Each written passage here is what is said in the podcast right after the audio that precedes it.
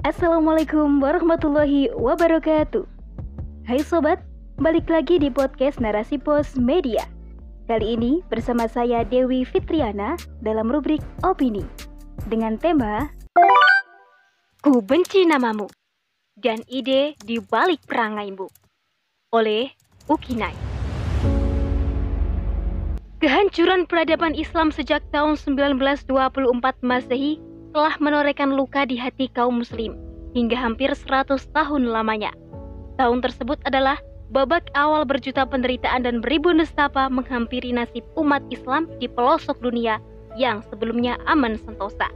Pembunuhan, pembantaian, perampasan harta dan kehormatan terlepasnya ukhuwah Islamiyah telah mencerai beraikan umat menjadi kepingan kecil negara asabia dan menjadi santapan lezat serigala imperialis. Kepedihan itu kini kembali mencuat saat sosok pembunuh dan pembantai ibu kaum muslim Mustafa Kemal Atatürk dipilih menjadi nama jalan di Jakarta. Wacana ini datang dari Wakil Gubernur DKI Jakarta, Ahmad Riza Patria, yang berjanji menambahkan salah satu jalan di Jakarta dengan Atatürk sebagai perwujudan kerjasama Indonesia dan Turki. Keinginan Indonesia dan Turki mengukuhkan negaranya memiliki nama jalan dari tokoh sejarah bermula dari kunjungan Menteri Luar Negeri Republik Indonesia, Retno Marsudi, ke Turki pada 12 Oktober 2021. Hasil kunjungan tersebut melahirkan kesepakatan pemberian nama jalan dari tokoh negara Indonesia atau Turki. Pemerintah Turki sebagaimana diberitakan telah memberikan nama jalan Ahmed Soekarno di Ankara. Seakan merasa bangga, Indonesia melalui duta besarnya di Ankara, Muhammad Iqbal menyebutkan Indonesia pun berencana mengganti nama salah satu jalan di daerah Menteng dengan nama tokoh sekuler Mustafa Kemal Atatürk. Peresmiannya kemungkinan akan dilakukan saat Presiden Turki Recep Tayyip Erdogan mengunjungi Indonesia awal 2022 mendatang. Mengukuhkan nama Mustafa Kemal Atatürk dalam sebuah jalan laksana mengenang tokoh kehormatan yang penuh jasa. Padahal sepak terjangnya satu abad yang lalu telah mencederai kemanusiaan dan peradaban Islam. Ia bukan bapak Turki, melainkan penjahat biadab penghancur junah Islam. Di tangannya lah ide-ide kufur ia perjuangkan untuk menyingkirkan Islam dan institusinya. Wacana penamaan jalan dengan nama toko sekuler di samping untuk menancapkan hegemoni sekuler semakin kuat, juga bentuk pengaburan dan penguburan sejarah yang dilakukan Barat terhadap Islam dan ajarannya. Mereka melakukan berbagai cara dan beragam program agar ideologi Islam tak akan bangkit lagi.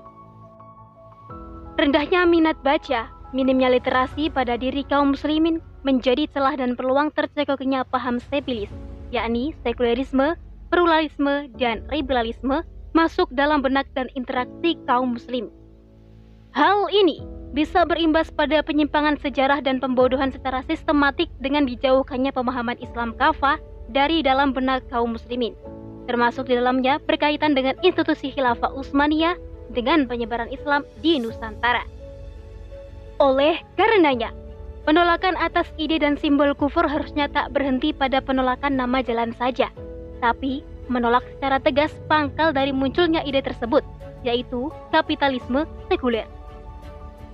Paham yang memaksakan ide batil masuk pada kehidupan umat Islam dengan cara menjauhkannya dari syariat, sedikit demi sedikit dalam seluruh aspek. Paham ini pula menyebabkan diterimanya tokoh sekuler masuk bak kawan sejati.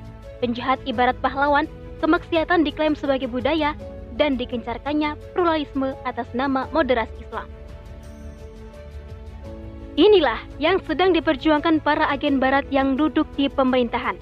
Lisan dan tangan mereka bergerak sesuai dengan titah tuannya, bukan Tuhannya, yakni Allah Subhanahu wa taala. Mustafa Kemal adalah sosok di balik keruntuhan Turki Utsmani atau Khilafah Utsmani. Institusi Islam yang telah memberikan penjagaannya terhadap Islam dan kaum muslimin.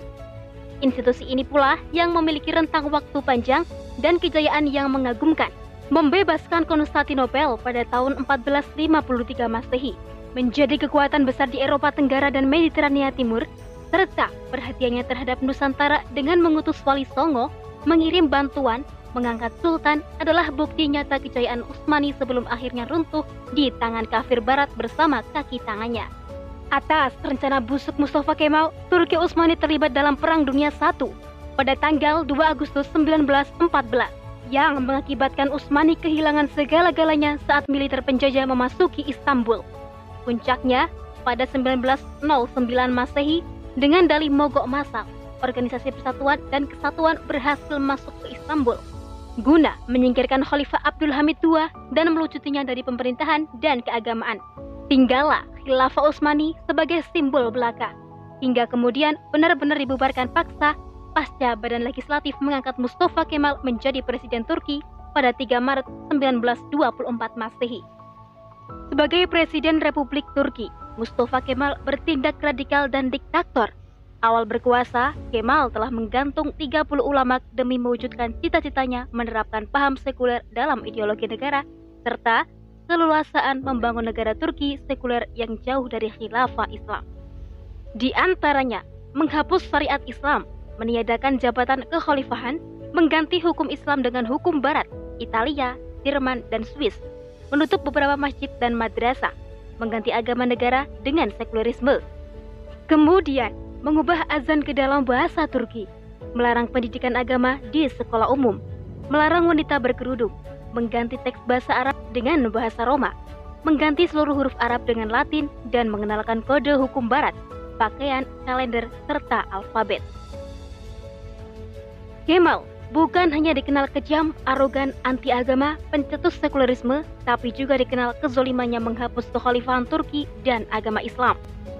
Inilah paket lengkap keburukan Mustafa Kemal yang harus diketahui dunia dan umat Islam tak layak bagi negara mana pun menjadikannya kiblat kemajuan. Begitu pula umat Islam tidak boleh ridho dengan perangai dan ide kufur yang dibawanya hadir ke tengah umat.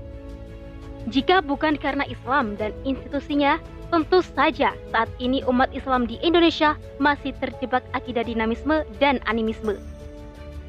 Sudah selayaknya umat Islam bersyukur memiliki Islam sebagai agama dan ideologi menerima dengan taat semua hukum Allah Subhanahu wa taala, tidak mencampur adukan hak dan yang batil dan bersegera mencampakkan sekularisme apa pun bentuknya. Orang-orang yang beriman dan tidak mencampur adukan iman mereka dengan kezoliman atau sirik, mereka itulah orang-orang yang mendapat rasa aman dan mereka mendapat petunjuk. Quran Surat Al-An'am ayat 82 Untuk mewujudkan keamanan tersebut, umat Islam harus berupaya mengembalikan tatanan kehidupan umat dalam institusi yang diridhoi Allah dan Rasul-Nya. Institusi yang mampu menjadi ro'ain dan junah bagi umat dan dunia, serta mewujudkan keberkahan di langit dan di bumi karena ketaatan pemimpin dan rakyatnya pada syariat. Sebagaimana firman Allah dalam Al-Quran tentang janji dan ancamannya, yang artinya, Dan sekiranya penduduk negeri beriman dan bertakwa, pasti kami akan melimpahkan kepada mereka berkah dari langit dan bumi. Tetapi ternyata mereka mendustakan ayat-ayat kami, maka kami siksa mereka sesuai dengan apa yang mereka telah kerjakan. Quran Surat Al-A'raf ayat 96 Wallahu alam bisawab